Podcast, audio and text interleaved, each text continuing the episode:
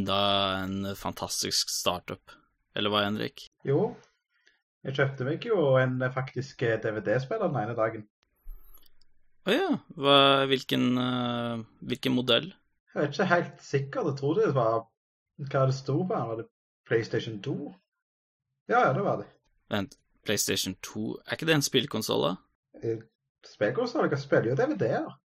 Stemmer det. Den, den, jo, den, har jo den har jo mulighet for å spille PlayStation 2-spill, så vel som DVD-er. Og det var jo da et hovedselgingspunkt når eh, Sony utga PlayStation 2 i år 2000. Hvilket er hva vi skal snakke om i dagens episode av Retropol-podkasten. Podkasten som snakker om diverse retrospill, spillserier og relaterte temaer.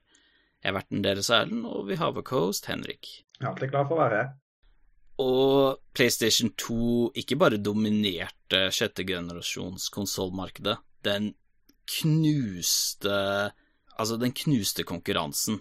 Jeg kan ta det i Ja, jeg kan ta det i perspektiv på hvordan det var salgsmessig. Hvis du kombinerer salget av alle Dreamcast-konsoller, kombinerer salget med det sammen med alle GameCuber solgt og alle Xboxer solgt, så vil de tre til sammen der utgi et sted mellom sånn 55-60 millioner. PlayStation 2 solgte omtrent tre ganger så mye. Å, oh, jeez. Det, det, det, er mye. Ja, det holder jo ennå rekorden for mest dataspillkonsoller solgt på eh, det overraskende nivået 155 millioner. En artig forhistorie med PlayStation 2 var at når jeg var yngre, så var det GameCube som var på radaren min, da.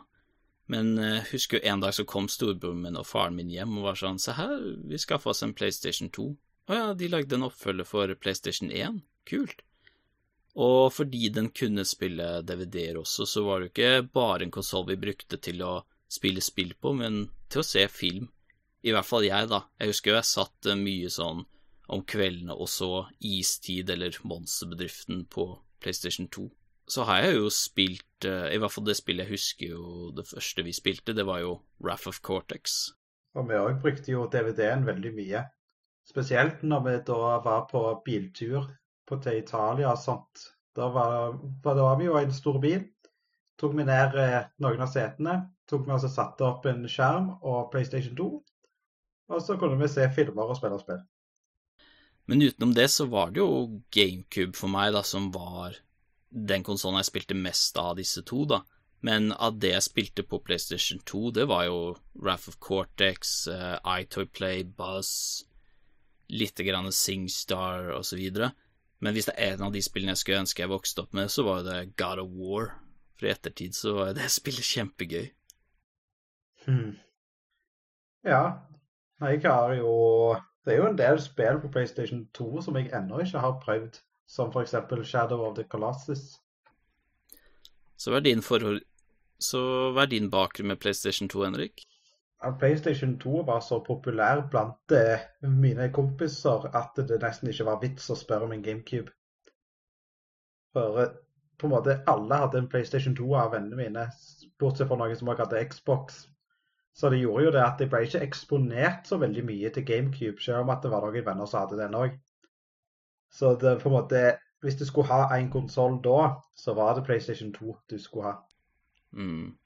Så jeg vokste jo opp med alt mulig forskjellige typer spill, fra Fifa til mer kjekke spill som Crash Bandicoot, Wrath of Cortex, Twin Sanity. Til å spille gjennom Ratchet Clank 1, 2 og 3. Og Jack Daxter, Klonoa 2, Metal Gear Solid-spiller osv. Og the list goes on. Men det var òg ganske mye forskjellige typer bomkjøp vi gjorde. Bare fordi det var så mange spill som kom ut, så kjøpte vi jo på bl.a. et Duelmaster-spill.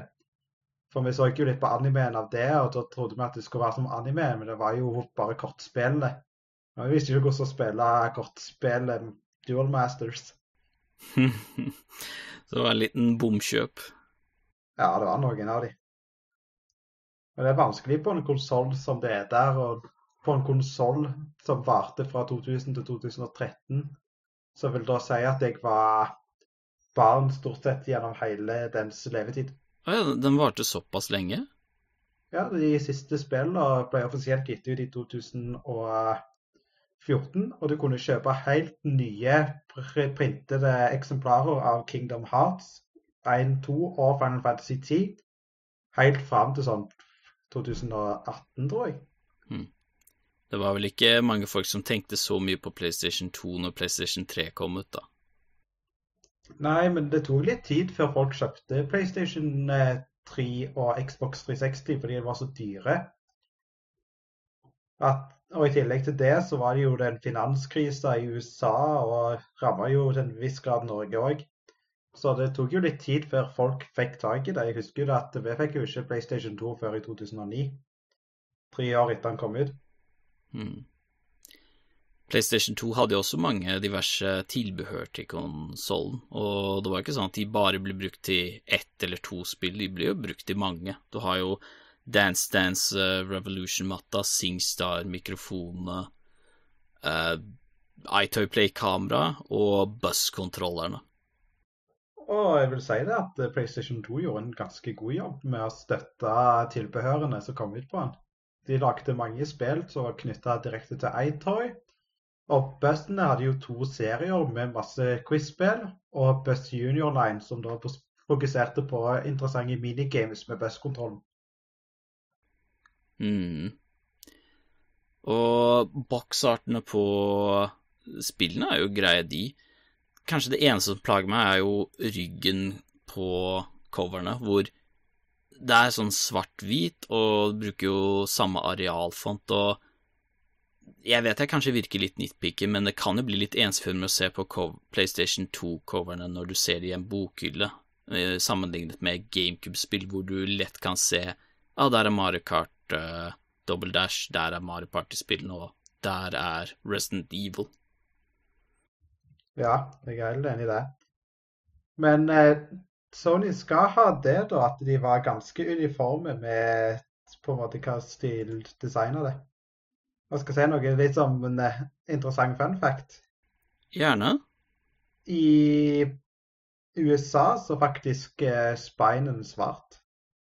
Så altså svart med hvit sånn logo. Å ah, ja. Hm. Kult. Og PlayStation 2 har jo mange artige spill, som vi har nevnt. Og denne gangen så tenker vi å gjøre det litt annerledes med hvilke spill vi snakker om. Istedenfor å snakke om én felles, så har vi jo valgt uh, to spill hver å ta for oss, som vi er ganske godt kjent med. Da kan vi begynne med deg, Henrik. Ja. Jeg begynner med et av de tidlige store heavy-hitterne som kommer på PlayStation 2. Og det er Naughty Dogs eh, Jack and Daxter som ble utgitt i 2001. Så Jack and Daxter var jo det første spillet Naughty Dog lagde etter de var ferdig med Crash Bandicoot-serien. Og var jo da det store nye prosjektet for å vise fram hva PlayStation 2 kunne få til.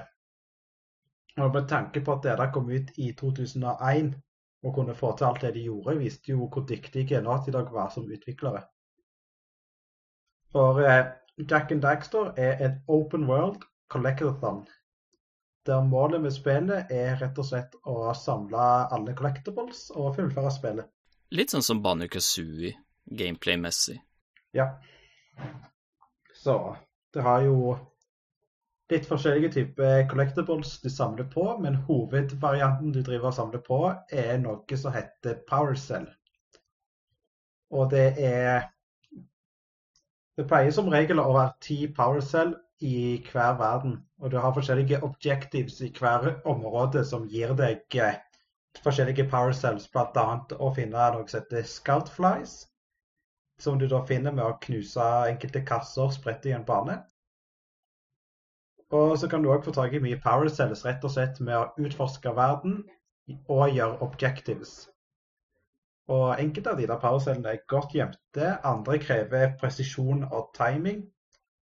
Og andre får du med å bare snakke med landsbybefolkningen for å få tak i de tingene du trenger. Det er to ting som er verdt å nevne om dette spillet. For det første, det er jo at i de fleste spill så er jo verden og hubworlds separerte, så for eksempel i Super Mario 64, for å komme deg til Bob on Battlefield, så må du hoppe gjennom et maleri og gjennom en mission select før du får komme dit. Men i Jack and Daxter så er jo både hubworld og alle verdenene loadet inn samtidig, så du kan gå innom alle når som helst. Og det er jo helt sånn eh, imponerende med tanke på at vi snakker jo ennå om PlayStation 2. Og det som på en måte var veldig kjekt med Jack and Daxter, er jo at det var en veldig god sånn blanding, eller hybrid, mellom Spyro the Dragon-serien og Banjo Kazooie. For den tar jo og fokuserer på Collectathon med store, åpne, varierte verdener med mange hemmeligheter. Så det er jo akkurat sånn det der. Hvis du var glad i Banjo Kazooie, så spiller du lett eh, Jack and Daxter. Det har eh, atmosfæriske baner, spesielt den første åpningsbanen. Som jeg alltid på en måte tenker på når jeg først spiller Jack and Daxter. For eh, den første banen er rett og slett brent inn i minnet mitt. Mm.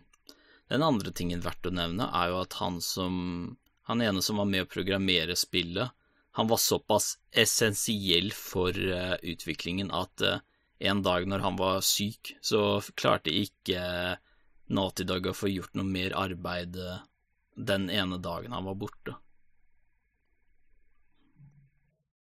Ja, for at det som var med Naughty Dog og deres filosofi, var jo det at de skulle ikke gjøre ting enkelt. De skulle pushe alt så det de kunne. Og det gjorde jo at Andy Gavin skrev ekstremt effektiv kode.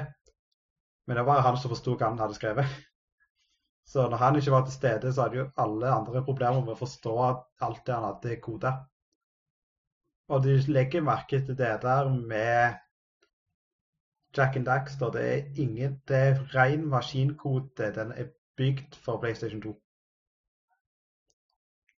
Og det som på en måte òg er litt sånn med Jack and Daxter, er at du har jo Du spiller jo egentlig bare som Jack, som da er en slags menneske med litt sånn eh, unik tegnestil som gjør at han ser, har sånne lange, spisse ører og grønt hår. Og han er, har jo et diverse variert moveset, så det er jo litt som Mario, nesten. Bortsett fra at han ikke kan hoppe like høyt og sånt. Men han har dobbelthopp, han kan eh, slå fiender, han kan spinne rundt i lufta for å få ekstra jump length, han kan roll-jumpe for å hoppe langt. Så det har jo et sånn skikkelig Mario 64-esk utforskingvariant med at du kan lett gjøre mye moveset. Og så kombinerer du jo det med de store verdenene, og så kommer det jo rundt Og et annet element som dette spillet her fokuserer på, er jo Eiko, hvis jeg ikke husker feil. Iallfall, du kan låse opp en form for energi, som da gir deg spesiale power-ups. Du har grønn energi, som gjør at du healer deg. Så har du blå, som da er lynenergi, som gjør at du kan automatisk knuse alle boksene, pluss at du springer mye raskere. Så har du rød energi, som da er, lar deg skyte flammekuler. Og så har du Dark Eco, som da er kraftige energikuler som de skyter mot fiender. Spillet anbefales. Kanskje det svakeste elementet med spillet er at storyen egentlig er litt forgettable. Det er litt sånn for du går rundt i en verden, og så bruker du mer tid på å snakke med NPC-ene rundt og fullføre de sidequest enn det du på en måte tenker på main story. Så hvis du på en måte ser etter spill med story, så bør du heller spille ferdig Jack and Daxter og fortsette videre med Jack 2. For eh, Jack 2 tar jo en helt annen vending enn det Jack and Daxter gjorde. Med mye større fokus på story, og det at spillet òg fungerer nesten mer som GTA enn det det gjør Banjo Kazooie. Hmm. Jeg snakket jo litt om monsterbedriften i stad, og det var ikke bare filmen jeg så på på PlayStation 2, for jeg spilte også spillet Monsterbedriften Skrekkøya på PlayStation 2, eller som det også, het, som det også heter, eh, Monsters Inc. Scare Island. Spillet kom ikke eksklusivt til eh, PlayStation 2, det kommer også ut på PlayStation 1 og PC. Men uh, PlayStation 2-versjonen er den jeg er mest kjent med, og jeg har jo prøvd litt av PlayStation 1-versjonen, men uh, hvis du spør meg, så er PlayStation 2-versjonen av Monster Inc. Scare Island litt mer appellerende for øynene på PlayStation 2 enn PlayStation 1 og PC. Pluss oppløsningen og uh, tekstureringen er ser bedre ut, da. Altså, Monster Inc. Scare Island tar jo på en måte hendelse litt som en form for prequel til hovedfilmen. Der du da fokuserer på historien om hvordan Mike og Sullivan ble skremmere enn de er i filmen. Mm. Jeg for øvrig, eh, gratulerer til Pixar som ble første filmbaserte spill vi snakker om i hovedepisodemessig i Retropol. Uh, woo! Så spillets gameplay er jo at det er jo en collectathon, men har en litt mer gameplay-stil, sånn som i Ape Escape, hvor eh, du går rundt en 3D-plattformverden hvor du skal da I stedet for å gå og fange aper med et nett, så er det sånn at du må gå bort til robotbarn som heter nerver. Du må gå bort til dem, og så må du trykke på en action-knapp som gjør at du blir Du havner i en button masher, button masher minigame med de. Og når du har eh, blitt ferdig med den, så har du beseiret nerven. Og i hver verden så er det åtte nerver, og det er tre oppgavegjøremål som må gjøres, og de er jo basert på bronse, sølv og gullmedalje. Bronse får du hvis du skremmer fem av de nervene. Eh, sølv får du når du har samlet alle ti monsterbedriftens sølvmynter, mens eh, gullmedaljen får du ved å skremme de tre siste nervene på banen. Og når du har gjort det, så går du til neste verden, og det er tre verdener med fire leveler i hver. Du har for det første bybanen, og så har du en ørkenbane, en type egyptiske basert, og så har du en snøbane. Og det som er litt artig, er at hver verden har jo ikke bare én type level theme. For eksempel i byverdenen så går du gjennom litt forskjellige deler av byen, for du har jo bypark, storby, havn, også et markedsområde. Og når du har fullført uh, de fire levelene per verden, så havner du i en bosskamp mot Randall, hvor det er et kappløp fra start til slutt. Og så må du samle på mynter på veien. Og og så unlocker du en ability før Randall-racet som uh, Når du har fullført Randall-racet, så går du tilbake til tidligere verdener for å fullføre det som er igjen å gjøre. Mm. Og Ja, det som på en måte òg var bra med Monster Inc. Scare Island, er jo et sånn type spill som gikk litt under radaren. Klart det solgte jo bra, for det var et Disney-spill, og Disney har jo alltid vært populære. Men eh, det er litt sånn at det, det, er ikke et spill som folk snakker om i dag. Det er litt sånn bortglemt som mange av de andre, og det er iallfall mer bortglemt enn f.eks. Toy Story 2, som kom ut eh, litt før. Men allikevel så er monsterbedriften Scare Island et veldig solid og gøy spill. Ja, det det er et sånt gøy spill å spille, i hvert fall har spilt gjennom én gang. Det som trekker spillet ned, er jo at uh, det er veldig repetitivt. Du kan se for deg hvis du spilte Banu Kazooie, og for å få tak i en jiggy, så var det at du alltid måtte ødelegge sånne stråhytter for å få, for å få en jiggy. Ja, nesten litt for monotont. Men uh, det som løfter spillet opp og gjør det verdt å spille, er jo soundtracket, fordi slik som med Croc og Wrath of Cortex, så er jo eh, soundtracket mye bedre enn egentlig det det burde være, men jeg er så glad for at uh, soundtracket er såpass solid. Ja, det er litt sånn Jeg blir jo overraska, egentlig, for uh, du tenker jo et sånn type Disney-spill De har jo på en måte typisk at de har med en musikklåt fra filmen som på en måte åpningsmelodi eller et eller annet sånt. Men jeg følte sikkert at de som lagde musikken, hadde en field day med dette her, for de komponerte noe sykt, sykt catchy musikk til det spillet her.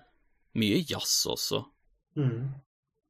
Jeg tror min favorittlåt i spillet, det er jo gravkammerlevelet i ørkenverden. For altså, den fanger den der eh, følelsen av at nå er det natt i Egypt. Hva med deg, Henrik? Hva er din favorittlåt i spillet? Det er den ene skiresortbanen. Jeg vet ikke om jeg kan direkte anbefale spillet, men det er jo verdt å ha spilt gjennom én gang, om ikke noe for annen grunn enn for soundtracket sin skyld. Men om ikke du har noen planer for å spille spillet, så vil jeg nesten si bare skaff deg soundtrack og bare hør igjennom den. Mm. Det er i hvert fall verdt å høre på iPoden eller telefonen, hvis du har mulighet. Ja, eller bare på YouTube. Det er jo. Det neste spillet du har valgt å ta for deg, Henrik, hva er det? Det er Ratchet Clank. Men eh, bare for å generalisere det litt, så snakker jeg om eh, de tre første spillene, for de er såpass eh, De faller under samme paraplyen, mer eller mindre. Så du kan på en måte snakke om ett av de allikevel, så vil det meste av det gå videre i de neste to spillene. Så hva går Ratchet Clank ut på? Ratchet Clank er da et plattformerspill med elementer av third Ja, Ratchet Clank er et plattformer third person collectathon. Der du da òg driver med third person shooting. Og spillet var da utvikla av Imsomniac, og det var da tre spill i hovedserien som kom ut på PlayStation 2, pluss da en semi-oppfølger som heter Ratchet Clank Arena, eller Dreadlock i USA, som da kom ut i, fra 2002 til 2005. Ratchet Clank er jo da en eh, duo bestående av Lombaxen Ratchet og hans sidekick Clank, som da er en robot som han har med seg som en ryggsekk Litt sånn på lik måte som Kazooie i Banjo Kazooie.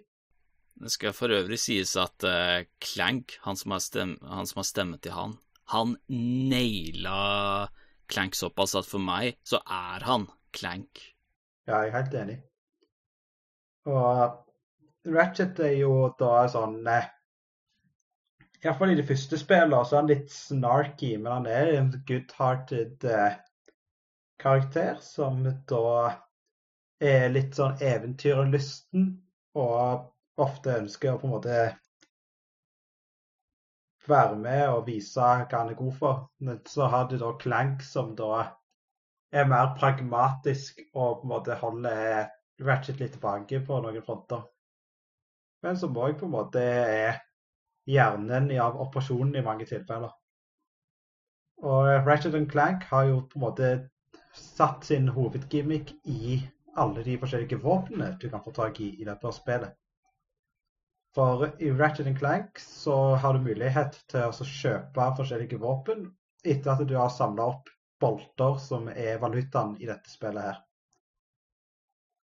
Du får bolter av å knuse kasser som du finner på banen, eller å slå forskjellige fiender er utrolig tilfredsstillende også, for det er noe med å se alle de boltene og mutterne bare fly mot deg. Gjør det så utrolig avhengighetsskapende å bare knuse alle kasser du ser, og bare samle på alt som er. Ja, det er veldig kjekt at uh, du har en magnetfunksjon som gjør at uh, boltene vil teleportere seg, vil komme til, mot deg. Da slipper du å måtte bruke mye tid og krefter på å samle opp uh, boltene, for du samler jo opptil flere tusen bolter for å kjøpe en del av de våpnene du finner i løpet av spillet. Men det er jo ikke det eneste som er det gøye i spillet, for du har jo mange NPCs du møter i, spillet, uh, i spillene. Og en av de mest kjente du møter, er jo Captain Quark, en superhero wannabe. Mm. Det er jo det som er sånn morsomt med Quark, for han har alle på en måte sanser på en måte for å være en superhelt. Og hvis du ikke hadde visst bedre, så hadde du trodd han var det. Han har skikkelig superheltpersoner med perfekt stemme. Og han er virkelig sånn outgoing og sånt. Men det som på en måte er så kjekt med Quark, er at han er jo ekstremt narsissistisk. Han tenker jo kun på seg sjøl, og samtidig så tenker han jo òg Det at han tenker på seg sjøl, gjør jo òg at han ikke har noen stor sans for eh, faktisk rettferdighet og Eller han har jo sans for det, men eh, han har ikke noe interesse i å redde verden hvis det får han til å komme i trøbbel. Så han er litt sånn gjør kun det han er nødt til å gjøre for å virke som han er god overfor presse og andre folk. Og Det er rett og slett veldig mye humor i hvordan Ratchet Clank håndterer det å kjempe mot Captain Quark og måtte samarbeide med Captain Quark. Husker også en av multiplayer-modusene i Ratchet Clank-spillene er jo en sånn type eh, strategi, tower defense-type spill. Jeg husker jeg spilte det veldig mye med fetteren min. Man kunne så spille som forskjellige karakterer.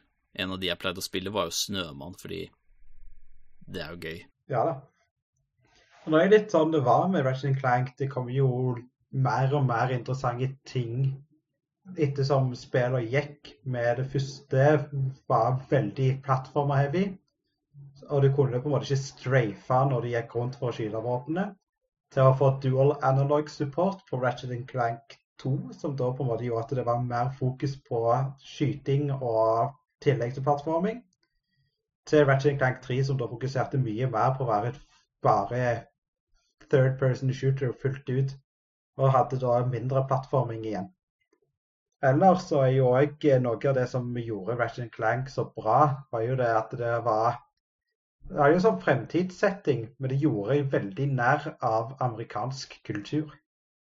For eh, mye av settingen tar jo for seg mye av de problemene du finner i USA.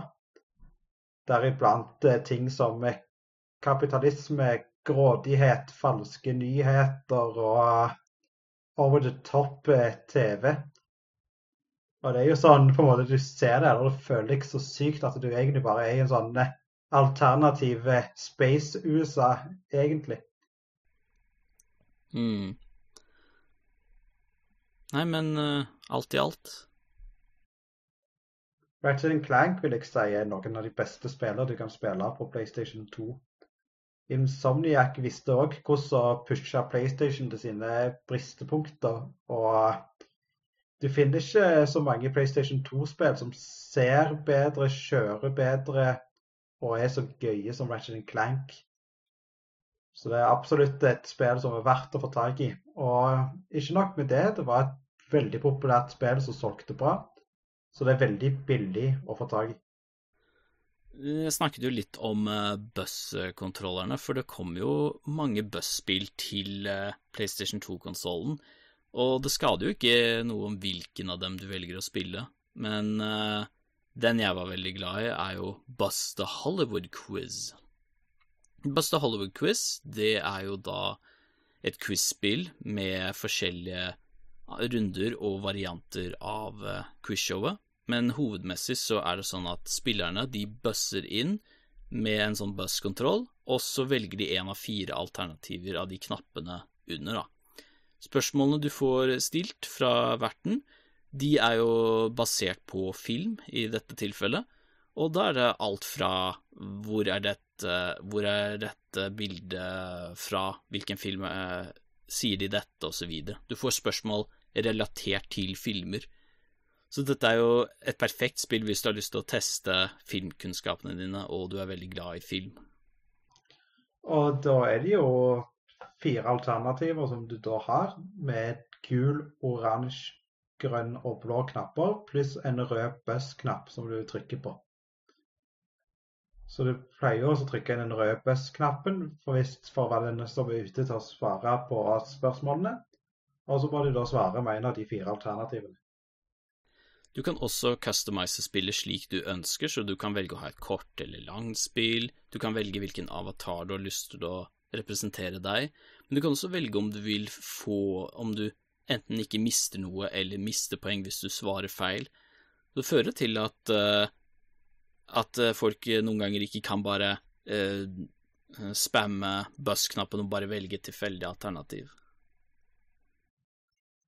Og det som på en måte Buzz er jo et fantastisk spill, men det krever noen forutsetninger. Du må være minimum to, men helst være fire folk når du spiller Buzz. Jo flere spillere du har, jo bedre. Og du kan faktisk i enkelte av Buzz-spillene koble til to USB-porter med Buzz-kontrollere og ha åtteplayer-matches. Altså, det gjør jo dette om til et knall partyspill for folk. Men fordi også spillet ble lokalisert på flere steder, så er jo ikke spillet nødvendigvis bare engelsk, men du, hvis du har norsk versjon, så snakker jo verten norsk. Og det var faktisk ganske kult, for eh, det var veldig få spill som var utgitt i Norge, spesielt på konsoll, som hadde norske dubber. Så når plutselig har Buss der alt er på norsk, var veldig fantastisk. I tillegg til det så har stemmeskuespilleren gjort en skikkelig god jobb som Buss. Altså, han gjør jo spillet underholdende på sin måte. Jeg tror Hvis det ikke hadde vært for Buzz, så hadde jo spillet føltes litt monotont ut. Altså, det hadde vært bra med bare det der at de trenger en sånn en fantastisk talkshow-vert til å gjøre, gjøre det mer interessant. Og på en måte det som er Man kan jo si at Buzz er fremdeles gøy i dag, men kanskje den største svakheten til sånne type quiz-relaterte dataspill er jo det at det blir jo ikke oppdatert. Det ble utgitt på PlayStation 2, det blir ikke noen nye patches til det spillet der. Og selv om at det var tonnevis av spørsmål, så er det jo litt det der at du vil til slutt ha gått gjennom alt. Og du kan alt. Så det har jo på en måte en begrensa levetid, i tillegg til at noen av faktaspørsmålene òg er nokså utdaterte. Men alt i alt, det skader virkelig ikke å prøve Buzz om du har, eh, om du har tilgang til det. I hvert fall hvis du er veldig glad i film, slik som eh, meg og familien min. Da skader det ikke å skaffe seg Da kan vi anbefale Bust the Hollywood Quiz. Ellers så hadde de jo òg eh, Buzz Junior, som da var et sånn fint alternativ for unge spillere. Som på en måte nødvendigvis ikke hadde den samme trivia-kunnskapen. For eh, Buzz Junior fokuserer på å bruke busskontrollerne som et minigame oppsett. Der det da er mer timing- og rytmebasert hvilke av Buzz-knappene du trykker på til enhver tidspunkt. Jeg er dessverre ikke så kjent med de, for jeg tror de ble utgitt på et tidspunkt hvor eh, jeg var litt for gammel til de. Ja, det var jo det første Best Junior-spillet kom ut i 2006. Nei, så det var jo egentlig det med PlayStation 2, kan man si. Uh, selv om det er en konsoll Selv om ikke det er min absolutte favorittkonsoll noensinne, så er det liksom Jeg har ikke noe imot å spille et par spill på den fra tid til annen. Ja, det Du kan si det du vil om konsollen generelt sett, men du kan ikke nekte for at det finnes mange gode spill på den. Mm. Det er vel ikke alle spillene som er verdt å spille, fordi hvor ofte er det du kommer til å spille liksom Barbie på PlayStation 2? Ja, det er jo litt det som er problemet med PlayStation 2. i at Det var jo så populært at du vet jo ikke hva du finner. For det, PlayStation 2 var jo det alle lagde spill for. Og spesielt med tanke på det at PlayStation 2 mista den der muligheten til å begrense hvilke spill som ble utgitt på konsollen, så er det veldig mye drittspill som kom ut eh, i Europa. Ja, i hvert fall hvis vi teller med det Cadicurus har snakket om, Phoenix Games, som la ut spill som var såpass primitive, med så amatøraktige cutscenes at uh, du skulle nesten tro at de spillene var bare lagd som en vits. Ja, men det de tok jo også baserte seg på eh, de samme eh, fortellingene som Disney har brukt, fordi at det var royalty. Disney eier ikke patenten på det. Så de lagde bare karakterene til å se veldig ut som Disney-spill på coverarten, men akkurat ikke nærme nok til å kunne bli saksøkt, og så solgte de spillet. Burde nesten skaffe meg de en gang, og så bare ha en sånn live reaction av dem mens vi spiller, bare Hva i alle dager er dette her? Mm. Må nesten gjøre det. Nei, men eh, det var vel det. Tusen hjertelig takk for at dere hørte på dagens episode. Setter alltid pris på det. Så snakkes vi. Ha det bra. Ha det bra, ja.